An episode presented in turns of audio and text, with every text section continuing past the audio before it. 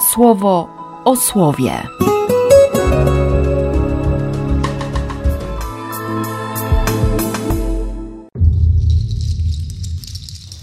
Dwudziesty pierwszy października, czwartek. Z listu do Rzymian. Na ludzki sposób mówię z powodu waszej przyrodzonej ułomności. Otóż jak dawniej oddaliście swoje członki na niewolników nieczystości i nieprawości, by zyskiwać nieprawość, tak teraz swoje członki oddajcie na niewolników sprawiedliwości, by zyskiwać uświęcenie. Kiedy bowiem byliście niewolnikami grzechu, wolni byliście od sprawiedliwości. I jakie wtedy zbieraliście żniwo? Takie, którego teraz się wstydzicie, bo końcem tamtych rzeczy śmierć. Teraz natomiast, wyzwoleni z niewoli grzechu, a oddani w niewolę Bogu, zbieracie żniwo służące waszemu uświęceniu, a na końcu życie wieczne. Zapłatą grzechu śmierć, a darem Boga życie wieczne w Chrystusie Jezusie, Panu naszym.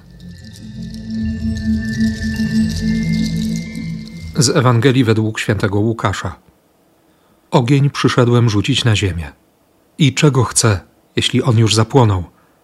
Mam chrzest przyjąć i jakież ogarnia mnie pragnienie, żeby już się spełnił. Czy uważacie, że przybyłem pokój dać ziemi? O nie, oświadczam wam raczej podział.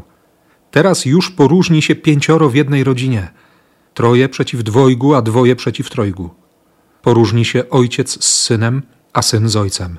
Matka z córką, a córka z matką. Teściowa ze swoją synową, a synowa z teściową. Bardzo lubię tę szczerość Pawła. Na ludzki sposób mówię z powodu waszej przyrodzonej ułomności. Nie bawi się w jakieś czułe słówka, nie żongluje pojęciami. Erudycję odstawił na bok. Bo Pawłowi chodzi o to, by jak najprościej, a jednocześnie najskuteczniej ogłaszać Ewangelię. Powie w innym miejscu: Wszystko robi dla Ewangelii. Ma w niej swój udział po prostu i jak krowie na rowie. Kiedyś nieczystość i nieprawość, żeby mieć więcej nieprawości, teraz bycie niewolnikiem sprawiedliwości, by zyskiwać uświęcenie. Jakie wtedy było żniwo? Takie, którego się teraz wstydzicie, bo końcem tamtych rzeczy jest śmierć. Zapłatą grzechu śmierć, darem Boga życie wieczne. Co zrobić na takie diktum, jakby powiedzieli bohaterowie Sienkiewicza? Tu nie można być żabą, która się nie może zdecydować, czy stanąć po stronie pięknych czy mądrych. Miecz słowa spadnie i rozetnie na dwoje. I chociaż ciągle nas ciągnie, znaczy ciągle mnie ciągnie, to co ostatecznie owocuje śmiercią, to chcę dziś prosić o życie. Tak, błagam o życie, błagam o łaskę, o miłosierdzie. To jest dobre porównanie. I wiem, że będę wysłuchany, bo każde z tych błagań to tak naprawdę odkrywanie relacji z Ojcem. Tu pod spodem Pawłowi chodzi o miłość. Jeszcze 25 wersetów, rozpocznie się ósmy rozdział i kolejnych 15 wersetów, by usłyszeć: Otrzymaliśmy ducha dokonującego usynowienia, dzięki któremu wołamy Abba, tato. Tak, dziećmi jesteśmy. Dziećmi Boga. To jest ogień to jest ogień, który Jezus przyszedł rzucić. I ten ogień już płonie. Mocno mnie dzisiaj zatrzymał ten pięćdziesiąty werset e, dwunastego rozdziału Łukasza. Mam chrzest przyjąć i jakież ogarnia mnie pragnienie, żeby już się spełnił. Myślę, że tutaj nie chodzi o ten lęk przed śmiercią, choć tym lękiem wcześniej już się Jezus dzielił z uczniami.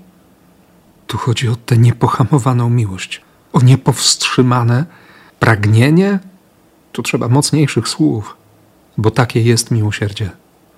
On się nie może doczekać. I ta prawda będzie wywoływać podział. To rozwinięte proroctwo z siódmego rozdziału Michała. Podział, poróżnienie. Ojciec z synem, matka z córką, teściowa z synową i odwrotnie. Niektórzy żartobliwie dodają, że teść z zięciem zawsze się dogadają, więc Jezus o tym nie mówił, ale ale wiemy, że nie o to chodzi w tej Ewangelii. On ma taką chęć, taki głód, taki pęd, taką gorączkę wręcz do okazywania miłosierdzia, do miłości. że jeśli poznaliśmy tę miłość, jeśli jej uwierzyliśmy, to naprawdę wszystko inne schodzi na drugi plan. Albo jest po prostu wypełnieniem tego planu miłości, lub jest wypełnione miłością i miłosierdziem. Takiej tęsknoty, takich pragnień, takich głodów, takiego życia Ci życzę w imię Ojca i Syna i Ducha Świętego. Amen. Słowo o słowie.